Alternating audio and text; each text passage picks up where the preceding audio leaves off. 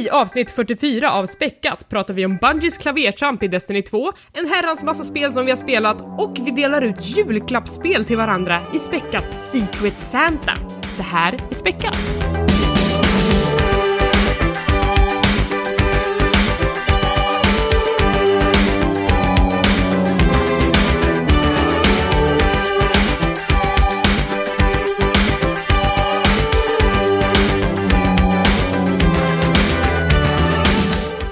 Och välkomna till Späckat, en podcast om spel och allt runt omkring. Det här är avsnitt nummer 44 och jag heter Elisabeth och med mig har jag Tommy Hej! och Niklas. Hej, hej. Hej! Hur mår ni? Tommy? Jag mår bra. Det vankas eh, julafton snart va? Nej men det Vi är en väl- hel månad kvar. Ja men vi är tidiga här hemma. Det, Ja. det, vi har redan börjat öppna klapparna känns som. Det är julpynt också eller? Äh, Sånt skiter vi Alltså vi, vi ställde för... I fjol så ställde vi fram julpyntet vid november för att vi skulle vara beredda. Sen stod det på balkongen till augusti. Ja, Jag hade det, helt och hållet glömt bort det. Sen kom vi på typ januari, just det. Ja, sen Mm. orkar man inte. det misstaget gör ni inte om. Ja, vi får väl se. Mm. Och Niklas, har du återhämtat dig ifrån vår härliga utekväll som vi hade i, eh, i lördags? Eh, knappt, Knappt? Ja, Ja, för, för vi har ju faktiskt varit med och deltagit i Svamprikets skräckafton. just det. Och eh, det, det är andra året som vi är med i den. Jag tror att det har arrangerats typ tre, tre eller fyra år i rad nu. Uh, men det blir ju bara större och större och nu när, när Pim har gått med i Svampriket så, så blev det liksom på en, på en ganska etablerad plattform och uh, ja, hade lite mer möjlighet att dra dit roliga tittare. Så att vi, vi uh, var där och spelade skräckspel under en timme. Mm. Det var ju otrolig ära för första att få vara med i det här i år igen. Och eh, jag vet jag har, jag har piskul. Jag får ju någon slags hybris så fort folk filmar. Jag får aldrig vara med på någon här streamkanal eller tv eller någonting. Jag får bara stå bakom kameran, har jag gjort i flera år. Men nu äntligen fick jag synas lite. Nu är du stjärnan i det hela. Jag tror det ett tag tills jag börjar titta och lyssna på de andra som är där som är så här pissduktiga framför kameran och kan prata och allting. Jag är ju en jävla sopa. Men, men jag hade askul i alla fall. Ja, och vi spelade Hidden Agenda tillsammans med, med Ida Alander eh, från eh, Johan och Ida och BoxerCut och eh, Arcade Berg som jobbar på Machine Games. Vad tyckte vi om det spelet? Alltså, jag känner, det, man kan väl säga att det är, eh, USPen med det spelet är att du sitter med dina, dina mobiler via det här Playlink då, som är eh, Playstations eh, hittepå. För att eh, man ska kunna interagera med spelen på det sättet. Lite Eh, som och- Jackbox eh, Partypacken. Ja, men exakt. Fast här i Hidden Agenda så följer du då en story. Eh, Det är ju utvecklarna då bakom Until Dawn, det här B-skräck-hommagen. Där det också hängde på att man skulle ställas inför lite så här svåra val för att få karaktärer att överleva och så vidare. Och samma sak var det ju här då. Det var någon typ av seriemördare som man jagade. Och så skulle man ta ställning till vissa svåra val då, men eh, måste säga att det blev lite, lite rörigt kanske att eh, hänga med i historien.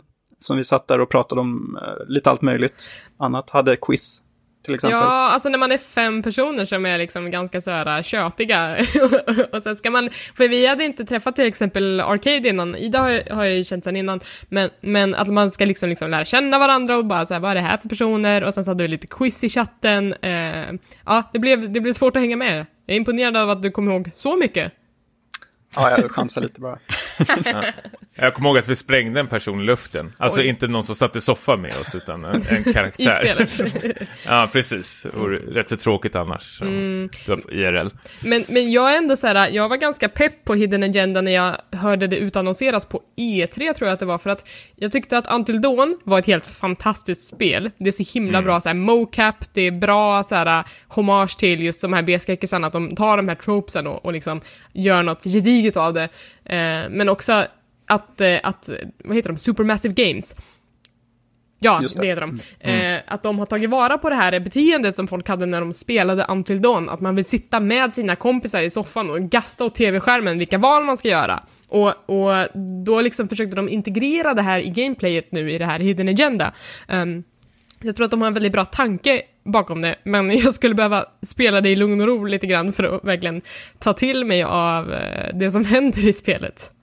Jo, men vi kommer säkert få prata om det i något kommande avsnitt tror jag, där vi har lagt lite mer tid och energi och Tid. kärlek på det. Ja, men precis. Eh, men roligt för Skräckafton, de eh, samlade ju in pengar till föreningen Mind som jobbar för eh, att öka medvetenheten runt psykisk ohälsa och de drog in 25 600 kronor om jag inte har fel. Vilket är svinbra. Fantastiskt. Jättekul. helt otroligt, en halvt dygn också. Ja, Så, och för förra året tror jag att det var 16 000 om jag inte har fel, så att det är ju liksom 10 000 kronors ökning. Det är ju helt, alltså fantastiskt. Jätte, jätteroligt. de siffrorna vill man presentera för sitt företag sen. Ja. Presentera för svampriket. Eh, Ja. Prinsessan Peach sitter där. Och vill ha en redovisning. ja, men det var, det var mysigt att hänga i stream, tycker jag. Mm. Mer. Otroligt. Eh, Tommy, du har lite nyheter från spelvärlden. Ja, vilken, vilken bollning, vi känns som ett gäng så här, nyhetsankare där på TV4 Jag känner- morgon tänkte jag Ja, säga. men jag, har, de jag har en sån här eh, kopp, kopp med te i min hand, känner mig sjukt professionell. Jag känner mig som att jag sitter i morgonsoffan. Ja, precis. Passar över till den här darriga Destiny Update. Det är väl jag som får tag på mig. För det är väl bara jag som spelar det här spelet nu. Eller Mm, liksom men jag har följt hänger lite... på Bungis axlar nästan och undrar vad som kommer komma hända. Jag har följt lite av det som händer, men, men, men kan du bryta ner det för den oinsatte? Oj, verkligen. Men alltså, det, det, för det första kan det inte vara så jättelätt eller kul att jobba på Bungie just nu. Alltså folk har ju, det, det liksom eskalerar i alla de här forumen, särskilt på Bungies hemsida som de kallar för blogg av någon konstig anledning, vilket gör folk ännu mer förvirrade, verkar det som. De skrev nu senaste gången så här, "Ni- mer uppdateringar på vår blogg, här har ni länken. Alla bara, det här är ett forum. Det är Oh. stor skillnad, ja, där. Men det som hänt är ju att nu den 5 december, alltså det är mycket saker som har hänt nu, men bland annat så den 5 december så ska ju Bungie släppa en eh, expansion nu till, eh, till Destiny 2 då. Och det har de liksom så här, eh, försökt göra någon slags 3-6-raket med att liksom en gång i veckan ska de streama och de ska visa upp sådana här eh, coola saker från den här expansionen. Så de fokuserar på någon ny grej eh, varje vecka. Men nu var det väl eh, förra veckan eh, när det här avsnittet spelas in så visade de den andra delen på den här expansionen. Då var det väl ett nytt public event de visade, ett lite större än de eh, tidigare. Och spelarna har ju liksom så här tjatat efter att liksom säga, okej vi vill bli mer belönade, annars finns det ingen liksom anledning att göra de här public eventsen. Liksom, man får ju bara skit i dem. Och då säger de i den här streamen så här, ja, nytt större public event och större belöningar. Och så kör de igenom det här public eventet, klarar det. Och det är den här personen som spelar det här public eventet får är liksom en Blue Armor, det näst sämsta man kan få, och två tokens. Tokens hatar ju alla spelare som spelar Destiny just nu. Är det de som man gjorde- löser in mot engrams hos de här uppdragsgivarna? Precis, och de där enegramsen som man får tillbaka är ju också helt värdelösa som de är typ level binded, att de liksom når en viss maxnivå och liksom det händer inte så jättemycket med dem. Eh, Så belöningen är ju inte så jättestor, utan de måste komma på något nytt valutasystem, eh, känner spelarna liksom. Och eh, ja, då fick ju folk liksom vatten på sig kvarn. Och nu i veckan så skulle de liksom eh, köra sin tredje del av streamen. Men, Men, stopp helt och plötsligt... belägg, för det var Ja. inte bara det att det, var, att det var fattigt med belöningar, utan också att de ljög om hur mycket XP man faktiskt fick. Att det står en siffra på skärmen, men det som faktiskt går in i ens XP-bar är inte samma summa. Så att det gick mycket långsammare än vad man trodde att det skulle gå att få de här eh, belöningarna, det vill säga engrams, som också eh, coincidentally är Destinys lootboxes. Så att de vill ju att det ska gå långsamt för att man ska liksom tappa tålamodet och, och, och öppna plånboken istället. Lite liknande EA's, eh, det här lootbox-debakel. Precis, alltså det, det här är ju en av orsakerna varför den här, eh, som jag skulle komma in på, tredje streamen eh, lades ner, tänkte säga, men vart cancelled för liksom vidare uppdateringar. Som de kommer komma med idag, oturligt nu, nog, när vi spelar in avsnittet. Men grejen är, exakt som du säger, den här XP-baren, de, hur ska jag säga, Destiny 2-universumet resetas en gång i veckan. Och varje vecka när man loggar in då på den här nya veckan, när det är en ny eh, vad heter det, Nightfall exemplet och massor med nya uppdrag som tickar upp, då får du även liksom tre gånger mer XP för var tredje level, eller var tredje, eh, upp till tre levels. Och sen liksom blir det som vanligt. Men då, precis som du säger Elisabeth, då har ju den här, varje gång man går upp i level, sinkas det ner mer och mer och mer utan att spelarna märker det. att liksom XP-baren tydligen liksom blir större och större. Men mätaren ser ut som detsamma. Och det, precis, det är väl nog lite så här småfult och så var det folk som upptäckte det och Bungie blir så här ställd mot väggen. Och nu har de cancelat den här tredje nu videon, streamen de ska göra och sagt så här. Vi ska skriva på vår blogg om saker vi ska uppdatera i kommande eh, Destiny säsong 2 och eh, eh, till expansionen istället. Så de skulle liksom, vad jag antar, nu vet ju folk som lyssnar på det här avsnittet vad de redan har skrivit, men liksom, de skulle bara skriva att det här kommer vi se snart eh, i Destiny 2-universumet. Det här kommer vi fixa, det här kommer vi ta bort, det här kommer vi liksom lägga in. Och jag antar att det folk är mest ute efter är ju det här modsystemet och att man kan eh, kanske rerolla sina vapen. För allting är ju liksom fasta attributer, fasta stats på allting du får liksom. Om du hänger med vad jag menar. Mm. Så de vill, folk vill, och det håller jag verkligen med om att folk är väl ute efter mer, lite mer rollspel. Nu känns det väldigt mycket att det håller i handen och sen liksom eh, är man där i endgamet och så här, okej okay, jag har typ fått allting. Liksom. Jag, jag, kan inte göra någonting för att påverka. Det finns ingen liksom, morot i det här spelet längre. Och det måste Destiny ha.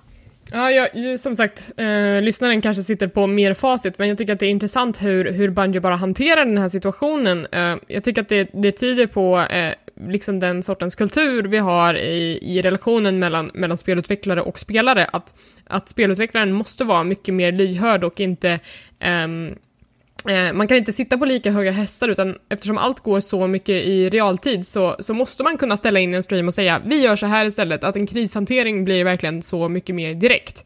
Uh, jag tror att det är liksom, som många sagt i det här, um, typ på Destiny Reddit, att uh, det blir lite dålig det, det, är lite osmakligt att så här, ha en stream om här är vårt nästa DLC som vi vill att ni ska köpa mera pengar samtidigt som vi lurar er på, på eh, ert hårda arbete. Vi, ni får inte de belöningarna som, som ni blir lovade.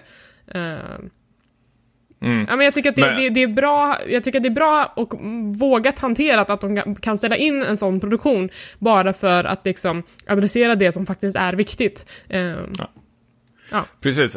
Det, det Bungy förlorar väldigt mycket på, eller har förlorat väldigt mycket på, är ju den här dåliga, otroligt dåliga kommunikationen med spelarna. Och det är därför folk liksom blir mer och mer förbannade. Det här påminner väldigt mycket om fjolårets No Man's Sky, där det var samma sak när No Man's Sky släpptes. Att så här, okej, okay, vad är det här för någonting? Har ni några uppdateringar på gång? Eh, händer det någonting med det här spelet? Men istället från No Man's Sky så var det ju bara tyst hela tiden, så ibland lite då och då släpptes lite uppdateringar, inget som liksom spelarna egentligen liksom önskade eller ville ha. Liksom, utan spelarna ställde kanske lite högre krav. Och det kan jag förstå och det, det tycker jag även som spelutvecklare bör man ta åt sig. För man vill ju att sitt eh, spel ska försöka överleva så länge som möjligt och att så många som möjligt ska liksom spela det under längre tid. Inte att liksom, det ska liksom bara dö efter en eh, månad eller någonting.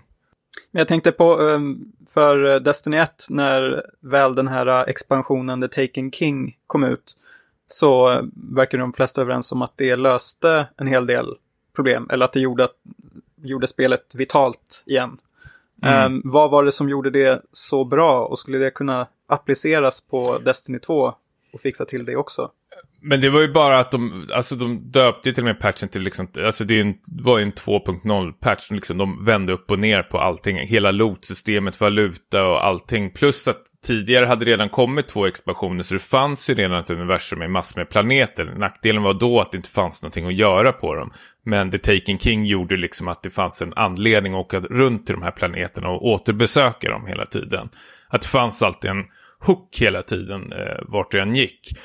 Och folk var ju så otroligt glada när han Luke Smith som gjorde The Taken King gick över och var ansvarig över Destiny 2. Att det var därför många tror jag också hade rätt så höga förhoppningar. Att så här, okej, okay, nu de har lärt sig sin läxa, nu fixar vi det här. Men istället så fick vi ett väldigt så tom. Vi fick ett Destiny 1 igen. Det var precis som första spelet när det kom ut. Att det var så här, okej, okay, vad, vad, vad, är grejen? Och det är Varför ska jag fortsätta spela? Det är konstigt att de inte liksom har tagit med sig alla lärdomar som de fått i, i, i det förra spelet. Att oj, när vi gjorde det här och det här i efterföljande expansioner så blev folk mycket gladare och kände att de hade det spelet som de, de blivit lovade. Varför börjar man om från början i liksom den första releasen av Destiny 2 för att sen liksom försöka laga det igen. Jag vet svaret på det här, det handlar om tid och pengar såklart. Eh, de har förmodligen inte haft tid att bygga ut eh, eh alla system så mycket som de hade velat. Eh, men, men det är ändå liksom en lite ajabaja att de har visat en gång att de kan och sen så gör man, gör man det inte bra igen. Mm. Fast samtidigt är det inte ett helt nytt spel de bygger upp från grunden. De har ju samma grafikpunkter, de har ju liksom samma, alltså, samma, vad säger man, grundpelare de står på liksom. Allting är ju, handlar om bara kontext nu, de ska ju sätta in i tvåan. Och det var ju det de inte eh, gjorde egentligen. Mm. Utan, jag förstår ju också, det är ju inte bara copy-paste, men eh, ändå de, då kunde de lika gärna försenat det och lagt in mer så hade det blivit kanske en bättre stämning. Mm, men ibland när man har en, en eh, förläggare så är inte försening ett alternativ. Det beror på hur mycket pengar man har kvar i skattkistan. Självklart, men jag känner att Bungie är så pass stort eh, företag att eh, de får säkert mer jo, tid än vad många ju, andra får. Ja, så är det ju absolut, men, men samtidigt, det är ju Activision som, som bestämmer Ja, det är det. Ja, men nu sitter ju alla som lyssnar på det här på facit. Så ja, det var vår take på det. Ja, vi får se, vi får se i nästa avsnitt då om, om, eh, om du har kommit tillbaka in i Destiny. Det blir en liten, en liten cliffhanger till, till nästa avsnitt. Mm. Um, ska vi gå vidare och prata om spel som vi har spelat?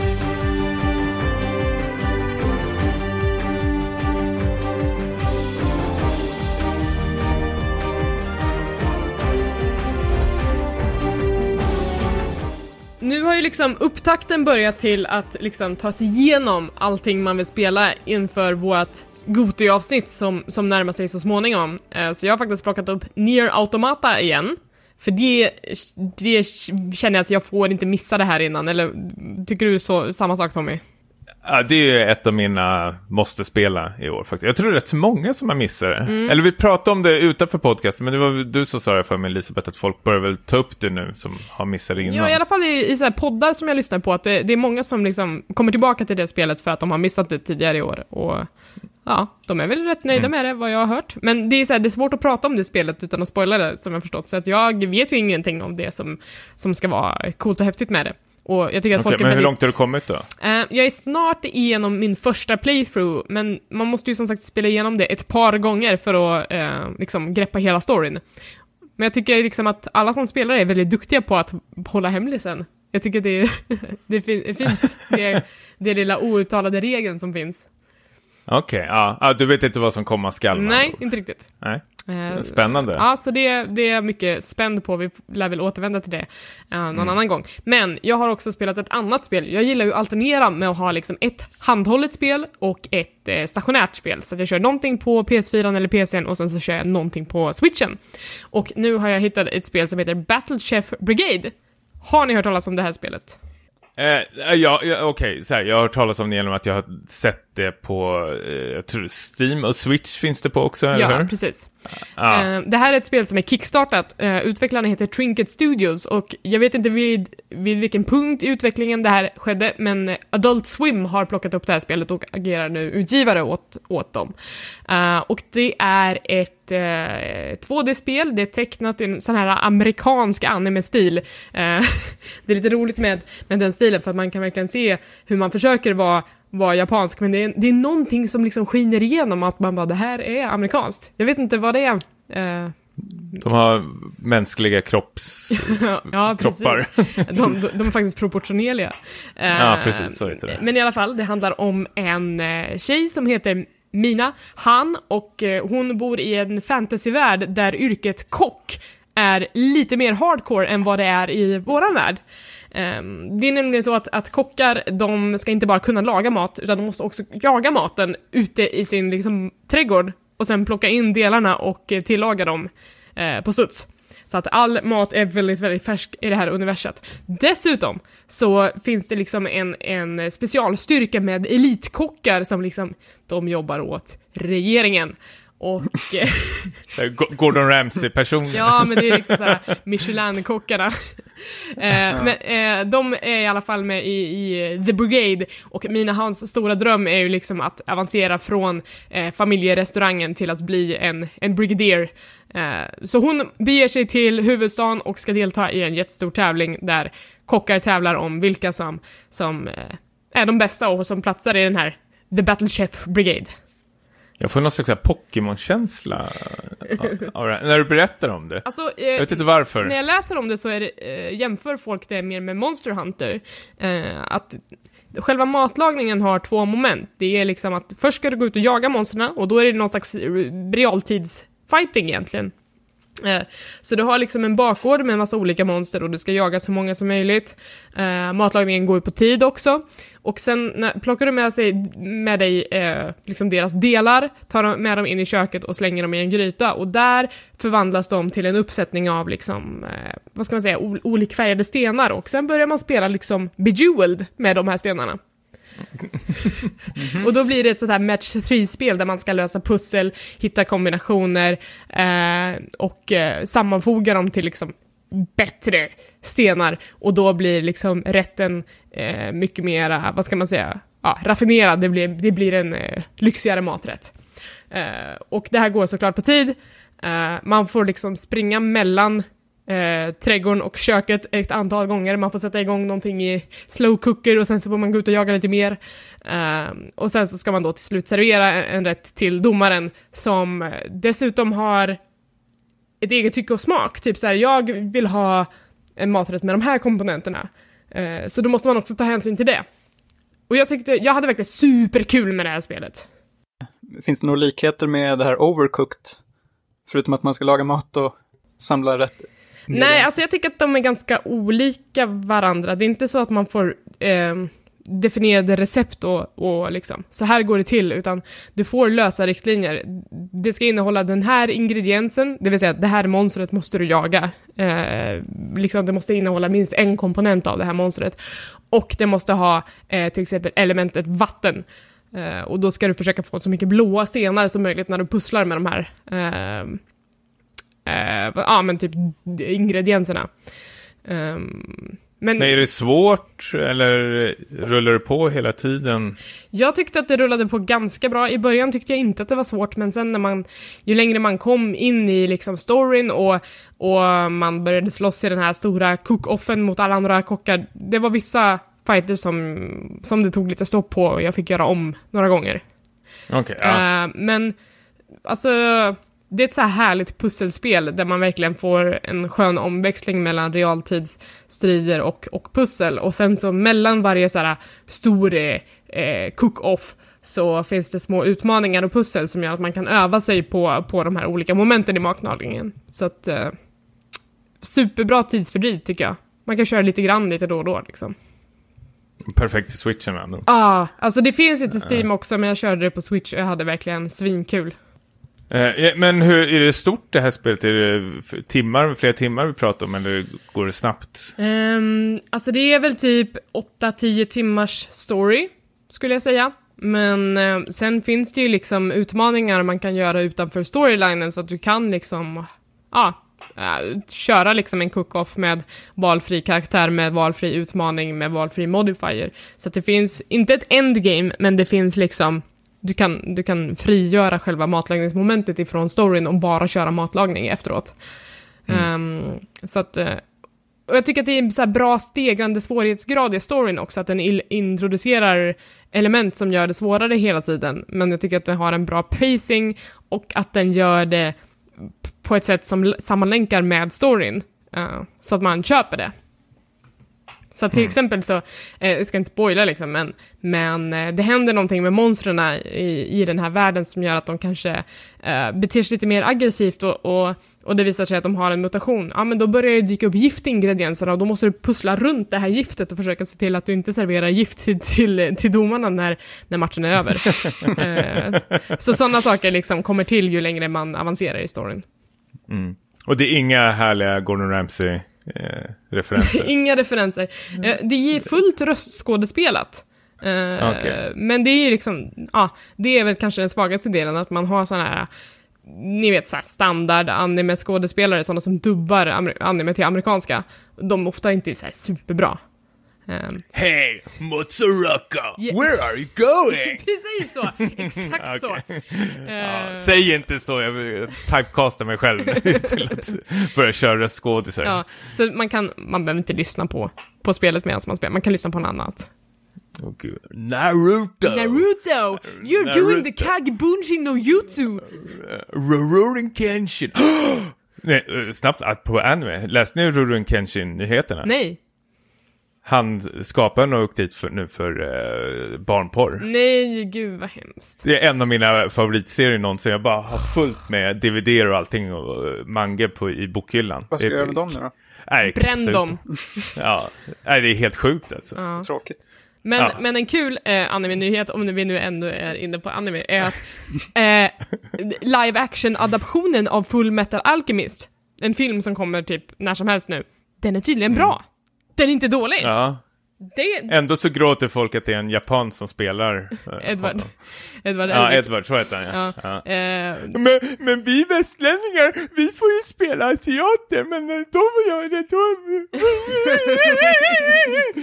ja, det är väl det minsta bekymret tycker jag. Jag är bara pepp på att den här filmen faktiskt kanske blir bra, för att den animen är verkligen svinbra.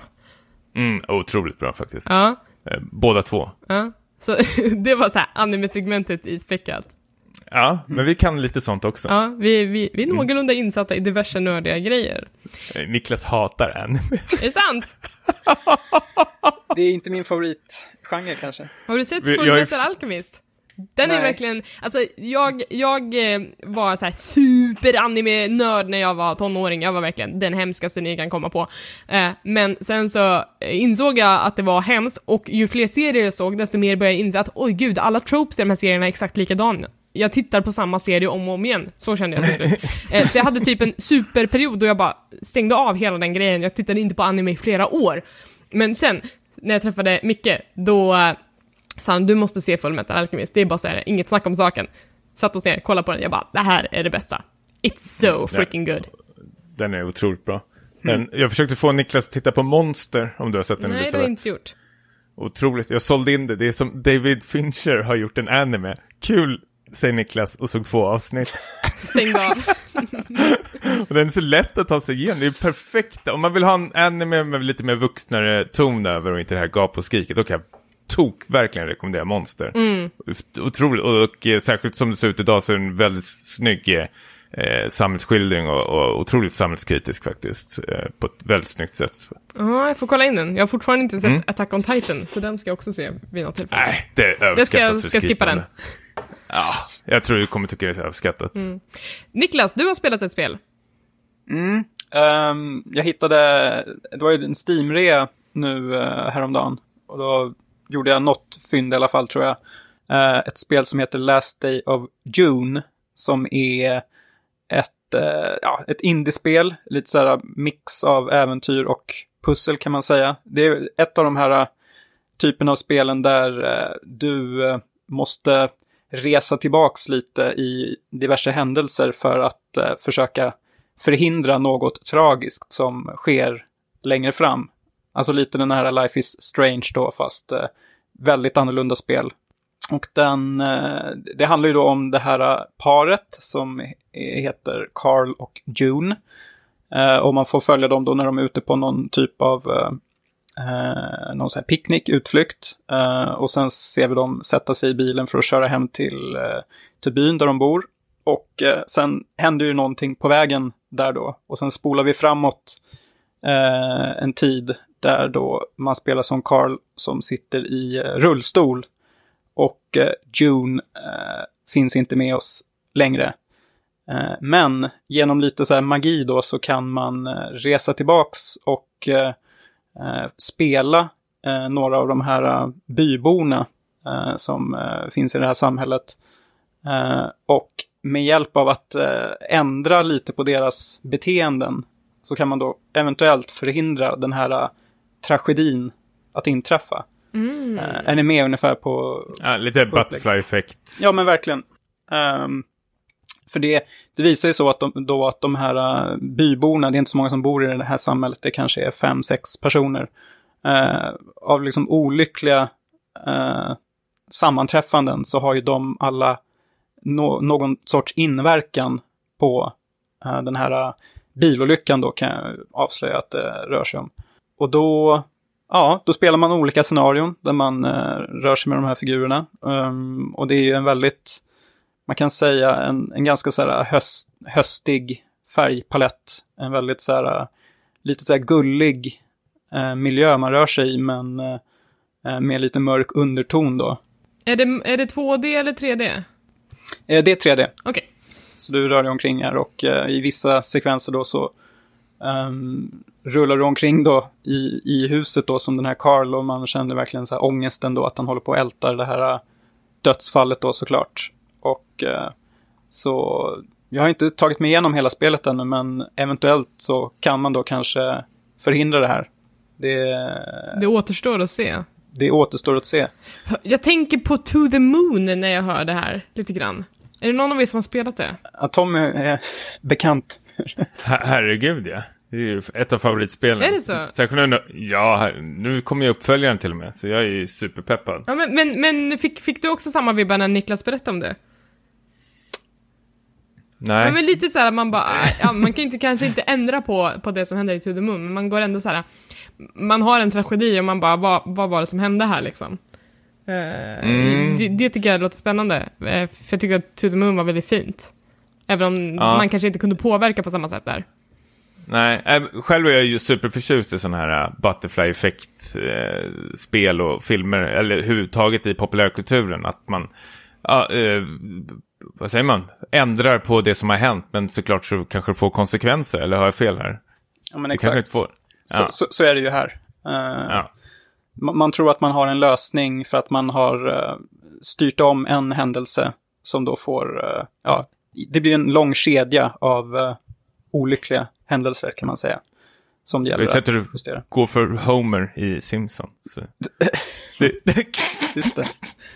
Eh, värt att nämna också är att eh, eh, det, det här spelet är liksom som ett samarbete mellan den eh, italienska speldesignern Massimo Guarini och den brittiska kompositören Steven Wilson som eh, några kanske känner igen från Porcupine Tree som är ett sånt här eh, ja, progressivt rockband. Så det är då hans musik som eh, eh, tonsätter hela det här. Så det ger ju ett väldigt speciellt, en väldigt speciell känsla.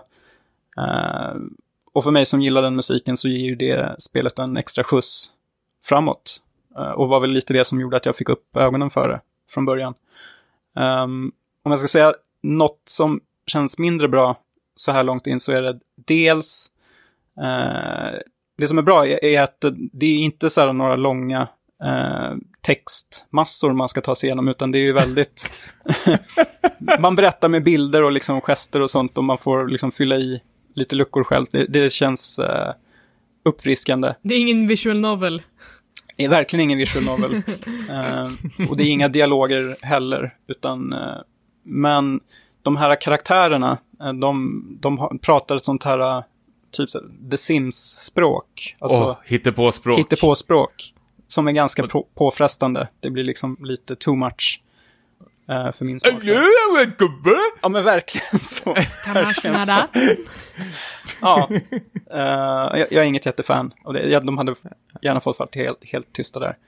Och sen det kanske mest största minuset är att eh, lite av poängen med en sån här spel är ju att du får spela om många sekvenser för att försöka justera någonting och få, eh, ja, förhindra någonting och så vidare.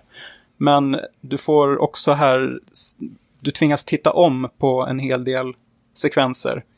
Som den här bilolyckan då som Oh. eh, verkligen liksom vevas om och om igen. Man kan inte äska sig. ur- Nej, inte vad jag har märkt. Aj, aj, aj. Så det ger ju att spelet får ett ganska så här segdraget tempo. Vilket Mm. kan vara mysigt, men om man är lite stressad och vill ta sig igenom det så kan det kanske vara lite frustrerande. Som det var för mig som försökte spela klart det innan vi skulle göra den här podcasten. Ma man vet när det är bra speldesign när man kan äska sig ur saker. Ja, det Allt borde typ filmer till eh, de här jävla loggorna som kommer i början av ett spel. Ja, det är liksom en grund. Ja. Grundregel. Det är det första man ska programmera in. Ja, Faktiskt, man kan skippa allting. Ja. Hur, hur, hur långt har det kommit? Hur långt vet, vet du om det är kvar? Eh, jag har väl kört lite drygt två timmar. Jag tror att det är kanske hälften kvar. Mm. Någonting sånt där. Jag ska säga att jag har kört det här till eh, Steam då, men det finns även till Playstation 4. Ja. Mhm. Härligt. Mysigt. Det låter jättemysigt. Ja, Luktar Gote? nej. Nej, inte det. Nej, inte så pass. Men det är bra.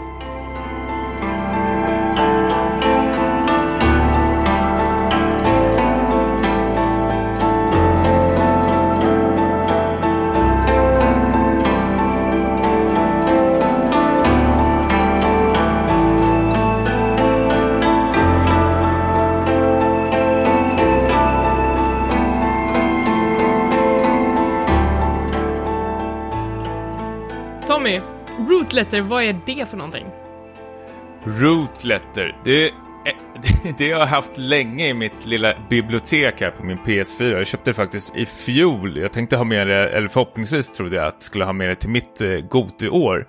Men efter jag hade spelat Steinsgate så var jag så här otroligt mätt på eh, Visual Novel. Steinsgate var så 30-40 timmar. Ja, precis. Det, det kanske vi återkommer till när vi har det här årets Gotavsnitt.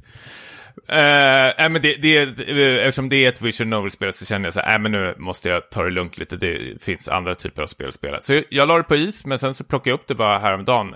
Och det som har liksom intresserat mig, det är, ju- det är en ny studie som heter uh, Kadokawa Games.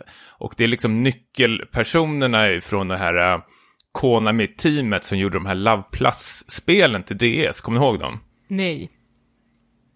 L- Jag, helt, jo, men de släpptes faktiskt utanför eh, Japan. Det är ju sådana här datingspel Man fick välja någon tjej och så skulle man... Det är typ Tamagotchi på DS som var så här otroligt populärt i eh, Japan. Jag tror till och med Level hade någon artikel med sådana här riktiga eh, galningar som liksom gifte sig med sin, den här virtuella personen, sitt DS och sov med den och allting.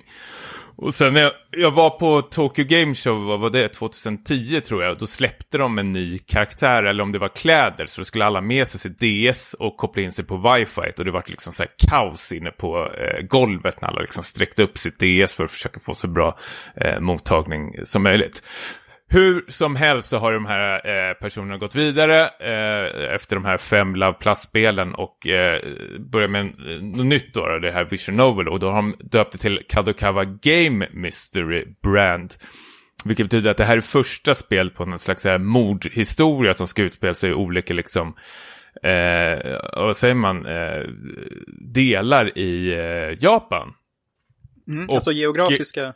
Precis, och de ska ju inte vara anknutna till, till eh, vad jag vet i alla fall, utan de ska vara väldigt, väldigt fristående. Så det här är det första, och jag har ingen koll alls hur det går med de eh, andra spelen. Men jag tänkte det här låter ju superspännande.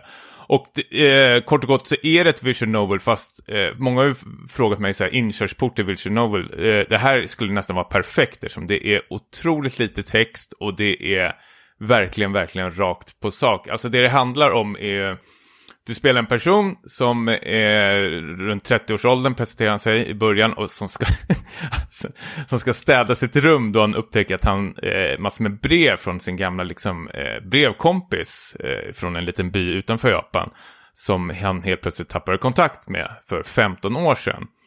Och då bestämmer han, alltså det här är liksom fem minuter in i spelet så här, jag ska besöka henne. Hon har påverkat mitt liv, typ. Även fast vi typ slutade skriva till varandra för 15 år sedan helt plötsligt. Och då ville väl han typ undra, eh, vad har hänt med henne? Och när han kommer till den här staden så märker han att eh, det finns ingen tjej vid det här namnet, eller hon som finns vid det här namnet dog för eh, 25 år sedan.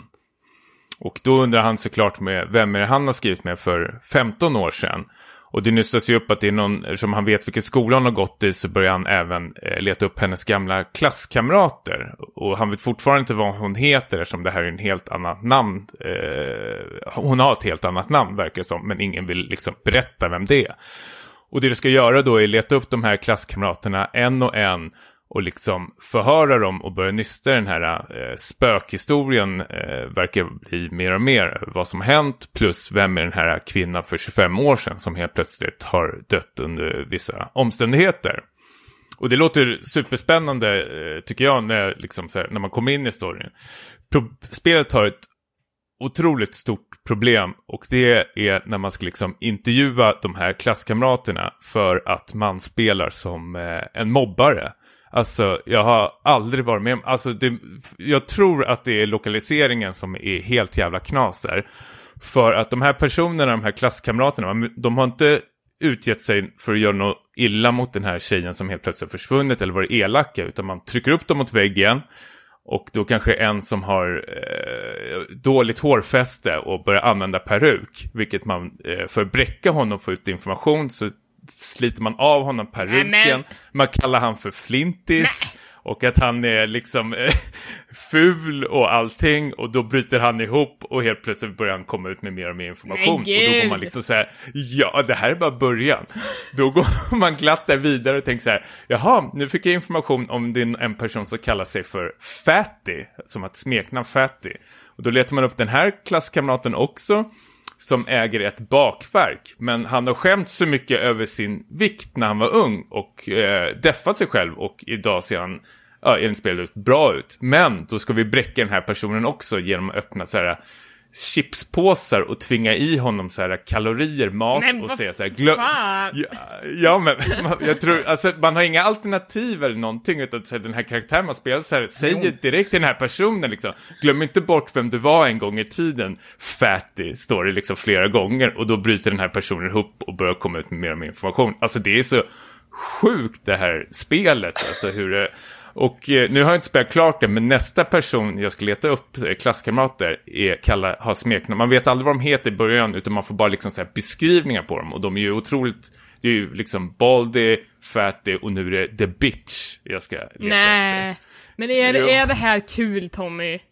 Nej, det är det inte. Okej. Det är eh, super, eh, det är mobbing. Alltså det jag undrar är, jag hör ju lite när de pratar japanska och jag hör att det är lite så här, okej, de har eh, inte uppfattat kanske orden rätt, men det är väl någorlunda i alla fall. Men jag undrar samtidigt, kommer det finnas någon slags så här, eh, twist på det här mot slutet? Är det spelet någonting som vill säga, någon kommentar eller någonting? Alltså jag är ju supernyfiken hur det eller kommer det bara liksom, ska jag springa runt och mobba de här eh, sju personerna på information eh, tills den här huvudkaraktären är nöjd och liksom kan åka hem igen?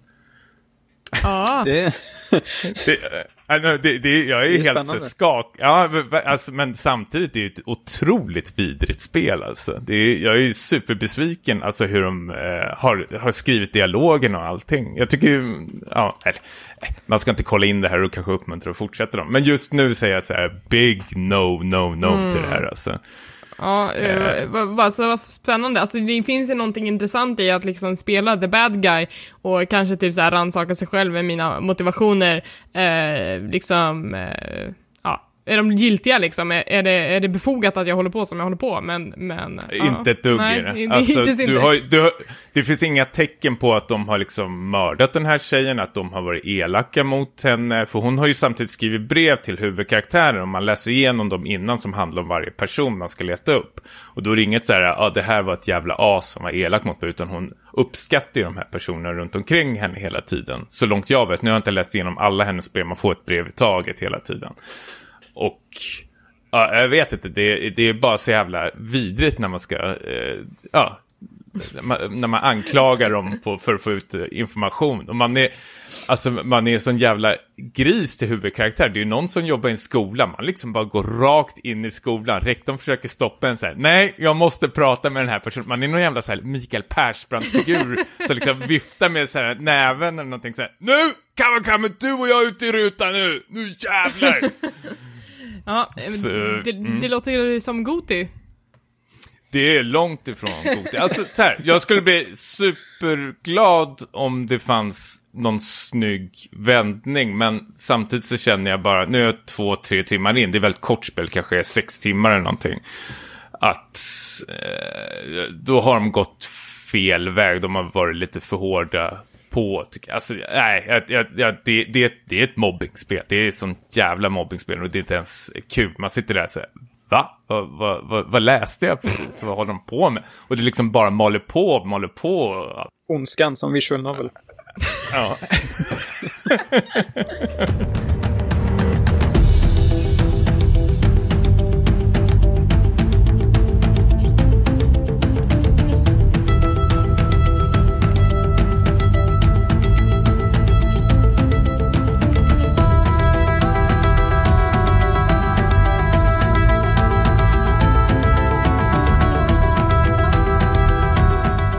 Elisabeth, Ja! Du har skjutit nazister, Ja, jag. gud vad jag har skjutit nazister. Eh, och Ja. jag vet ju att du har fyndat Wolfenstein-serien på Steam-rea. Eh, så jag ska, inte, jag har ska inte spoila för mycket för dig, men jag måste ändå liksom för, försöka avhandla det här lite grann, mina första intryck av Wolfenstein 2. The New Colossus, som den heter. Eh, jag spelade Wolfenstein The New Order tidigare i år. Eh, fantastiskt litet spel ifrån Machine Games som, eh, de sitter väl i Uppsala. Eh, och som sagt, vi träffade ju... Göteborg? Nej, de är i Uppsala. Nej, det är som sagt, vi Uppsala. träffade ju Ja. Arcade i, i lördags som, ja, som jobbar där. Och han skulle väl tillbaka till Okej. Uppsala. Om jag inte, om jag inte är helt fel.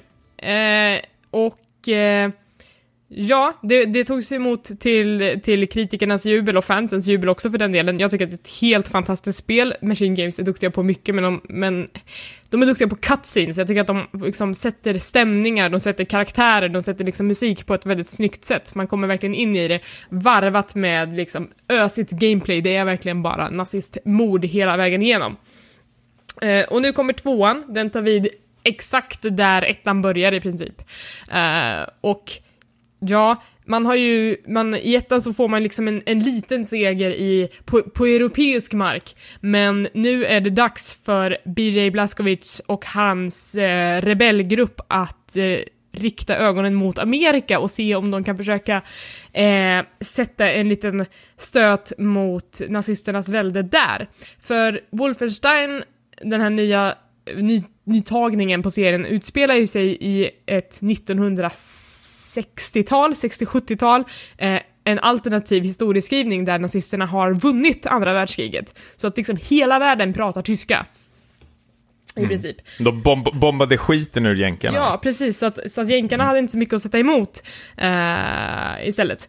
Så eh, ja, nazisterna är som vanligt skurken. Vi, vi har bytt arena och eh, BJ Blazkowicz, han har en massa härliga vapen i sin arsenal.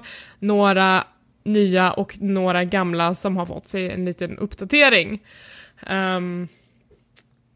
Ja. Är det något fullt ös medvetslös bara rakt på eller Ja, finns det alltså, något det är en mer väldigt- intressant gameplay? Det är en väldigt stark början, om jag säger så.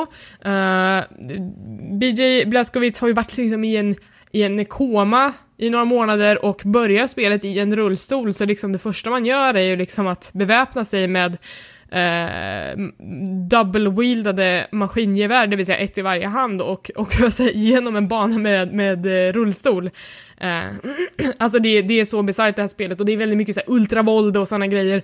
Eh, man får flashbacks till, till hans barndom, eh, där mycket otrevliga saker händer, att han har ju haft liksom antisemitismen i sin familj samtidigt som, som hans mamma är jude.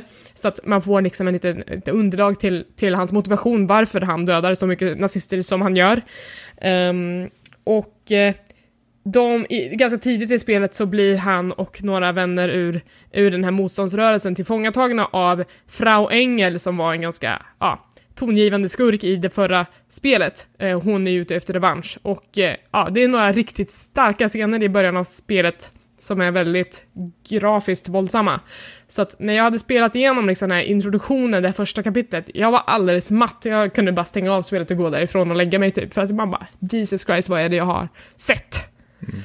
Nej, men jag, jag har ju precis börjat nu med första spelet. Jag köpte som sagt hela paketet. Jag känner exakt samma sak eh, efter inledning av eh, första spelet. Mm. När man hålls eh, fånge finns det väl en scen där och man får väl några valmöjligheter man måste tyvärr eh, göra som också väldigt så här, "Ugh, gud, ska jag, ver-" det är ju väldigt mycket tortyrporr Ja, i det här. absolut. Känns som. Och- Eller det, nu vet jag att med två, men jag antar att de väl skruvat upp det till elva nu. Ja, för att man, man måste ju liksom jag vet inte om de försöker överträffa sig själva, eh, för man måste ju liksom överträffa ettan på något sätt och vid vissa tillfällen i den här inledningen så kunde jag känna att gud, det här gör de bara för att chockera. Jag tror inte att det här har ehm, någon bäring i liksom resten av storyn.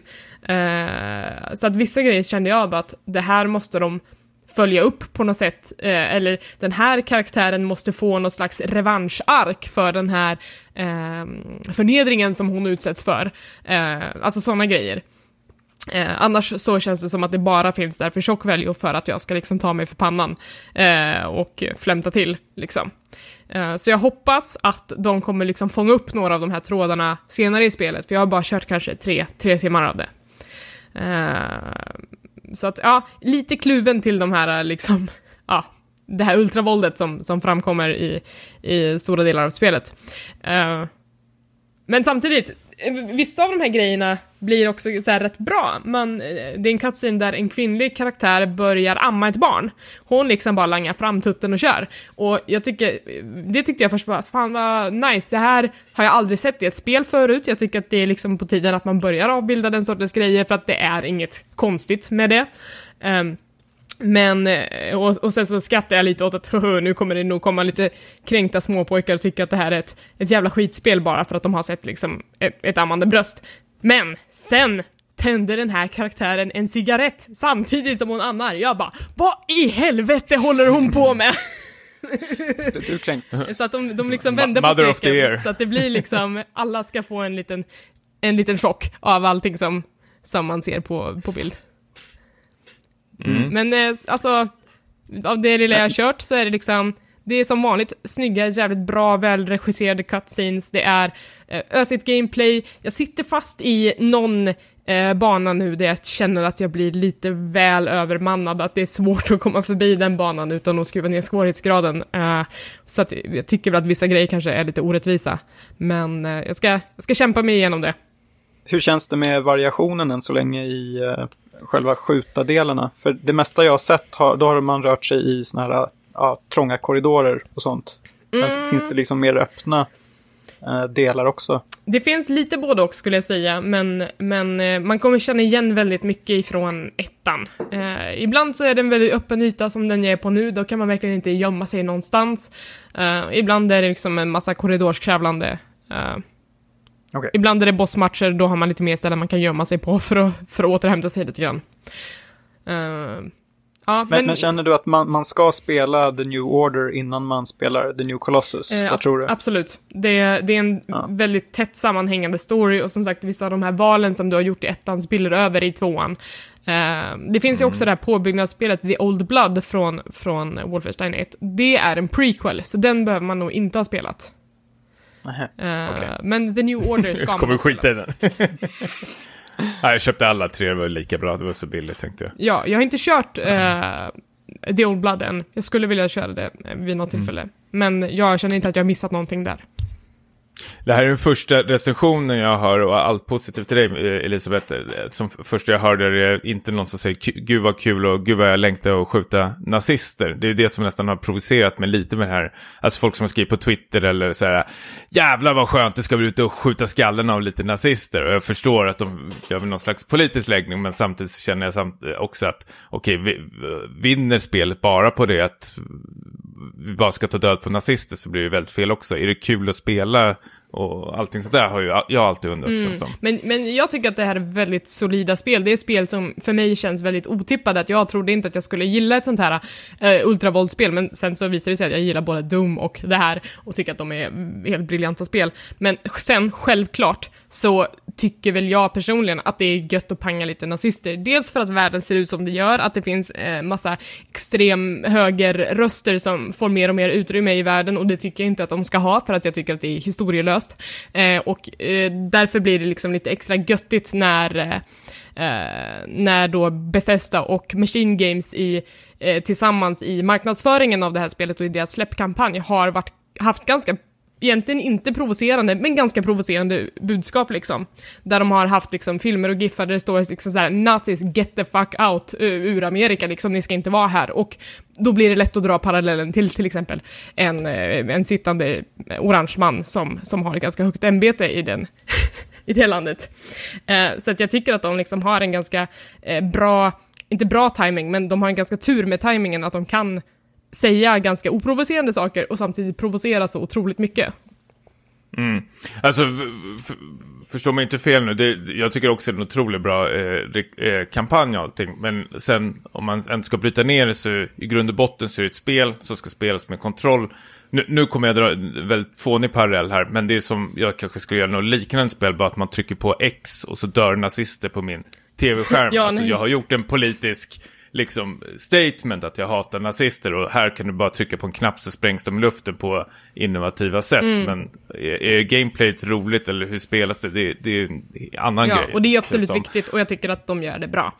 Eh, och så Ja. en liten, jag måste ju också göra en inflik här för att ni vet när man, när man ska avbilda sex i spel, till exempel, jag vet inte, Dragon Age, det blir ju ganska pajigt. Det blir ganska dåligt Ja. liksom. Det är, det är få som har Ja, gjort för- det bra. Men Wolfenstein 1 har liksom några av de så här bästa sexscenerna jag sett för att det är liksom, Nej. jo, för att de, det är liksom inget, ja, men det är ingen liksom, eh, de, de, eh, det är liksom, ni fattar, de försöker inte götta sig i den här sexscenen och försöker göra det sexigt, utan det är bara såhär, ja, ah, och nu hade de här två karaktärerna sex, punkt slut. Eh, Men det är så plötsligt, jag har bara varit med om en sexscen på tåget, Mm. men det var så här, okej, du hämtar lite kaffe, nu knullar ni skiten ur varandra helt plötsligt.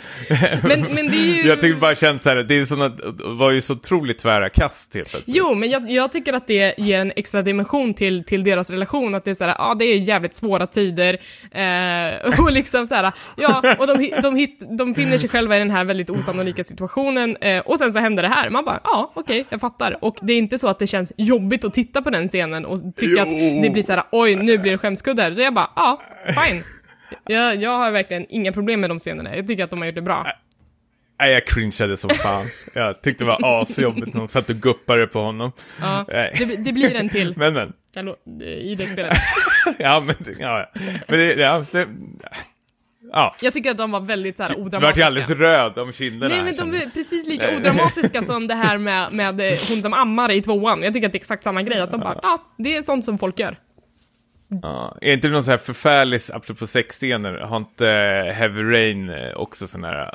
Nej, är det Fahrenheit Jag tror det är de Fahrenheit som är något, Fahrenheit det är någon slags rytmspel av det, har jag hört. Gud. jag har inte spelat Ja, det själv. God... Jo men, jag, nu, jo men det är Fahrenheit och sen God of War är väl samma sak också, bara att kameran åker iväg så ska du liksom rotera runt eh, de här knapparna och så har man alla tjejer så här skriker. Oh god, nu, nu skäms jag. Ja. Nej, men det, är- det är ju supersvårt tror jag att göra bra eh, sex i, i spel. Ja. Och det är ju en sån viktig kom komponent samtidigt om man försöker göra en, en story med två karaktärer som är eh, kära i varandra. Mm.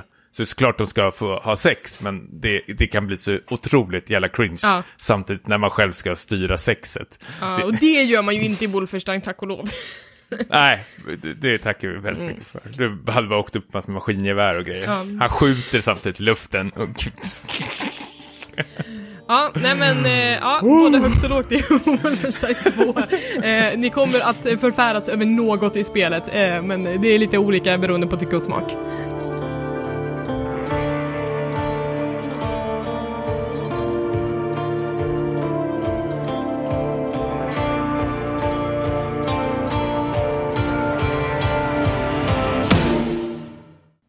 Julen börjar ju närma sig så sakteliga och vi tänkte fira jul lite här i Späckat. Och eh, Tommy, du hade en jätterolig idé eh, som vi kommer köra sinsemellan här i podden.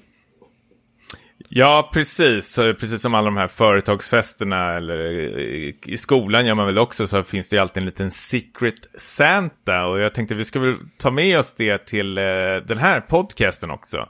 Vilket betyder att eh, vi köper ett eh, spel till var och en person. Man går ihop sig två och två. Så till exempel jag och Elisabeth har köpt ett spel till Niklas som vi kommer presentera här. Och eh, vice versa. Så det går laget runt. Ja. Och eh, de här tre spelen kommer vi eh, bli tvungna att eh, prata om i nästa avsnitt. Vare sig det är bra eller dåligt Vare sig vi vill eller inte. Ja, lite kniv mot strupen här kanske. Men eh, innan vi börjar eh, ska vi gå ett varv runt och fråga vad man har för... Vad önskar man sig från tomt? Vad är förväntningarna? Ja men Tommy, vi kommer ju ta ditt spel först, så vi kanske kan bara såhär, Tommy, vad, vad vill du väl helst ha? vad vi helst vill ha? Vad är en bra överraskning för dig? Ja, men en bra överraskning är kanske ett spel som jag inte känner till. Mm. Som ett lite så här hidden, hidden gem. Nu tror jag inte det kommer vara det. Men det, det, är- det sånt, sånt är alltid kul. Mm. Eh, en liten underdog som eh, ni kanske har kollat upp och känner att eh, ja, men det här passar Tommy. Något som överraskar? Ja, men eh, däremot så har jag inte varit kanske så snäll i år. kan man inte påstå. det Det kanske, det kanske blir en, ja, en, en örfil. Bara. blir därefter. En käftsmäll blir det. Ja, men, men okej. Vad är din, din största farhåga då i så fall om du tror att karma kommer slå tillbaka mot dig? Ja, men så här, strategispel känner jag är, otro, jag är otroligt dålig på dem. Även fast jag är peppad på att köra lite Starcraft och sånt mer. Eh, sen är det väl... Ja, men jävla JRPG känner jag mig inte så jättepeppad för just nu, känns det som. Ja. Eh, ja. Ja. Niklas, vem, vem av oss ska droppa bomben? Uh, ja, men ta det du. Jag kan ta det då. Ja, men... Eh, Får jag inte öppna det själv? nej, men vi har inte skickat det till dig än. Vi kommer göra det efter podden. En bomb. Ja, det blir, blir ett paket som tickar. Ja, men så här, vi känner väl lite, eh, Tommy, att du delar inte våran entusiasm för Bioware. Jaha. Så vi tänkte att vi måste gräva lite mer i katalogen för att hitta någonting som kanske äntligen passar dig. Så att, ja, du låter så jävla skeptisk, det här blir bra. Eh, så spelet som vi hade tänkt att du skulle spela, Jade Empire. Ja, det var... Nej, jag spelar första två timmarna. Jag vet vad det är. Ja. Ja. Hur känner du inför det? Eh, ja, men det är väl eh, coolt. Det är väl lite martial arts och eh, sånt där. Mm. Men nu Så- måste du ge det en ärlig chans. Ja, men det, det lovar jag. Det här är, eh, ska jag damma av min Xbox 360 eller på Steam? Nej, du kommer få det på Steam av oss. Ja, okej. Ja, ja, men vad bussigt. Ja. Det, du låter inte övertygad. Likgiltig. För gammal Jag kände det kunde varit värre, men det här är ju inte... Ja, ja men vad kul. Ja, tack så mycket. Refund blir det kanske. Ja, refund. Kan man refunda någonting som man inte har köpt själv? Det får vi se. Eh, Det får vi se till nästa nästa avsnitt. Fick en fylla istället. Ja, Ska vi... Elisabeth, du ja då? nu får jag eh, kliva fram till, till eh, rakning. Ja, om vi ställer samma fråga här då. Vad, förväntningar, vad, vad är det för något du hoppas på? Vad skulle passa dig just nu, känner du? Ett kort spel. alltså man bara, jag sitter här och spelar Wolfenstein jag spelar Nier Automata och så här på kö har jag typ Prey, Assassin's Creed Origins, det är, det är mycket långa spel, jag skulle vilja ha ett kort spel. Och då skulle du inte... Eh, Vill ha ett långt motsatt fråga. Ja, långt spel. Vad sa du? Ja men det, är- det är väl inte den värsta mardrömmen, men typ så här. Snälla, inte Final Fantasy. Inget som heter Final Fantasy. Oj, det är bra. Ska Ska, vi... ehm, ska vi se vad Elisabeth Ja! får då? då? Det är nästan lite samma medicin här, någonting du eh, kanske in, inte tycker om så mycket, men vi känner att du bör ju ta an den här genren kanske lite Ja. mer. Niklas? Ja, eh, vi vet ju att du eh, gillar skräck, eller hur? Åh nej! Och du gillar också Twin Peaks. Ja, nej. Så vi slår ihop dem och då blir det Deadly Premonition. Oj! Jag vet ingenting här, om det här spelet. Kultklassikern. Eh, Desto mindre du vet, desto bättre. ja, Vilken, vilken plattform spelar man där på? det gör man på Steam. Ja, Steam. okej. PC, det, det har jag i alla fall. Så jag inte behöver Mm. gräva fram till någon sån här PS2, för det har jag inte ens. Jag tror att för att få så bäst reaktioner som möjligt så desto mindre du vet eller kolla upp om det, desto kanske roligare eh, blir det, tror Ja, jag. spännande. Det är väl en rekommendation i alla fall. Ja, okej. Eh, Jag är jätterädd. Nu blev jag rädd. Det bör vara. Jag, jag, var inte, jag, jag hade inte ens det i åtanke att jag skulle kunna få typ eh, skräck. Mm. Trodde ni skulle vara snälla. Men det här klarar du, det Okej, vet måste vi. jag streama det också eller? Det vore jättekul. Nej. Men, Ja, vi får- om du vill. Vi får väl se. Okej. Eh, tack så mycket. Det här blir spännande. Varsågod. Jag är rädd. Ja, Niklas. ja. Har vi sparat det bästa till sist här? Det, det har Jesus vi. Vad, hoppa, vad hoppas du på då? Uh, alltså jag hoppas att det är något, något spel som jag alltid har velat spela liksom. Men inte haft tid. Har du några exempel? Jag, vet, alltså jag har ju så jävla mycket spel som bara ligger. Uno till... Uno, kortspelet. Uno. Ja. Undertale. Ja, det hade faktiskt varit helt okej. Eh, det jag inte vill ha, eh, jag vill inte ha något visual novel-spel. och och ja, i, i synnerhet inte Danganronpa.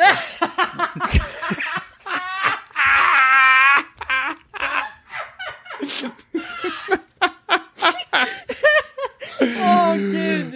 Niklas, du är så bra. Du är så jävla Vad, bra. vad blev det?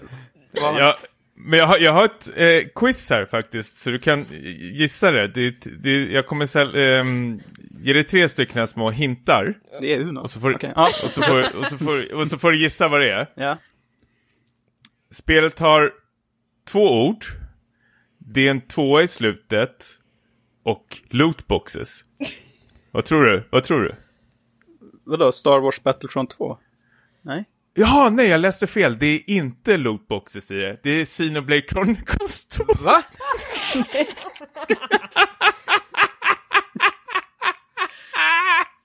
Va? Är ni på allvar? Ja! Ja.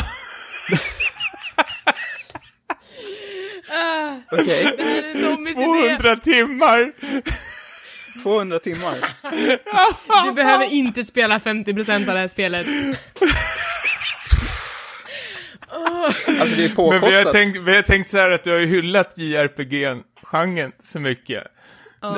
Men sen har vi också, hade vi också någon slags teori om så här, nu har både jag och Tommy ändå spelat Xenoblade-serien innan och liksom tagit den för podcasten. Nu är det din tur.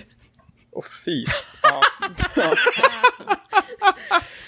Men det är väl perfekt för din Switch också. ja, jo. Du kan ju sant. alltid ta med det överallt. Du kommer aldrig ha en ursäkt att inte spela det. Precis. Spela på bussen. Åh allting. gud! Glöm, glömmer switchen medvetet på bussen. Det här var en sån här grej som jag var rädd för att få också. Ja, också. Chronicles. Ja, så JRPG. Ja, ja, det är bara att stålsätta sig. Ja. Du måste tacka för presenten Men du, du, Ja, tack så jättemycket. Det var påkostat eh, generöst. Ja, men vi, vi, vi lever för din, din recension i nästa avsnitt. Det är den som kommer göra allting värt det. den bär avsnittet. Den bär avsnittet. Ja. Vad har vi då? Eh, Xenoblade Chronicles 2, eh, Deadly Premonition Jade och Empire. Eh, Jade Empire. Lite... Härligt! God jul på Ja, er! god jul. Det är lite tidigt, men ändå. Ja, Fantastiskt. pre-Christmas. Ja. Var det... Det här var, det var eh, många hårda plåster att dra av, men eh, det här blir kul. Eh, Det kan vara nyttigt för oss tror ja, jag. absolut. Men jag tror att vi ska avrunda för idag. Yes, eh, så i nästa avsnitt, då blir det helt enkelt de här Secret Santa-spelen som vi kommer att spela och prata lite mer om. Har vi något annat att prata om? Rent spontant? Destiny. Destiny, vi får se hur det blir i den här följetongen om, om Destiny. Eh, och deras eh, progression-system. Se om Bungie kryper till korset. Då avrundar vi. Har du som lyssnar frågor, funderingar, whatever, skriv till oss på speckatpodcast.gmail.com. Vi svarar på allting. Eh, frågor tar vi med i podden såklart också. Eh, andra funderingar och frågor för den delen kan man också skriva på på sociala medier. Där heter vi Späckat på Twitter och Späckatpodd på Instagram. Ehm, vad, hur, om man vill nå någon personligen, hur får man tag på Niklas? Eh, Niklas Lundqvist, Twitter. OneLess Niklas. Instagram. Och Tommy? Uh, Tommy understreck Jansson på Twitter och Stimpas på Instagram. Och Elisabeth. Hangry Eli på Twitter och Hangry Spice på Instagram. Ja, Hungrig och sätter i skräckspel. ja fast Hangry är också att man är så hungrig att man är arg. Eh, så hungrig är jag på skräckspel. Så stavas det. Eh, men om, om, man- om man gillar späcket så får man också jättegärna recensera oss på iTunes och lämna en liten stjärna för det hjälper oss att nå ut till fler lyssnare. Eh, ja, och sen så hittar man oss på våran Tumblr och på tvåupp.se. Typ så. Fan vad jag älskar våra lyssnare. Ja, ha det är bäst. Ha det så bra, så hörs vi om två veckor igen. Hej! Puss!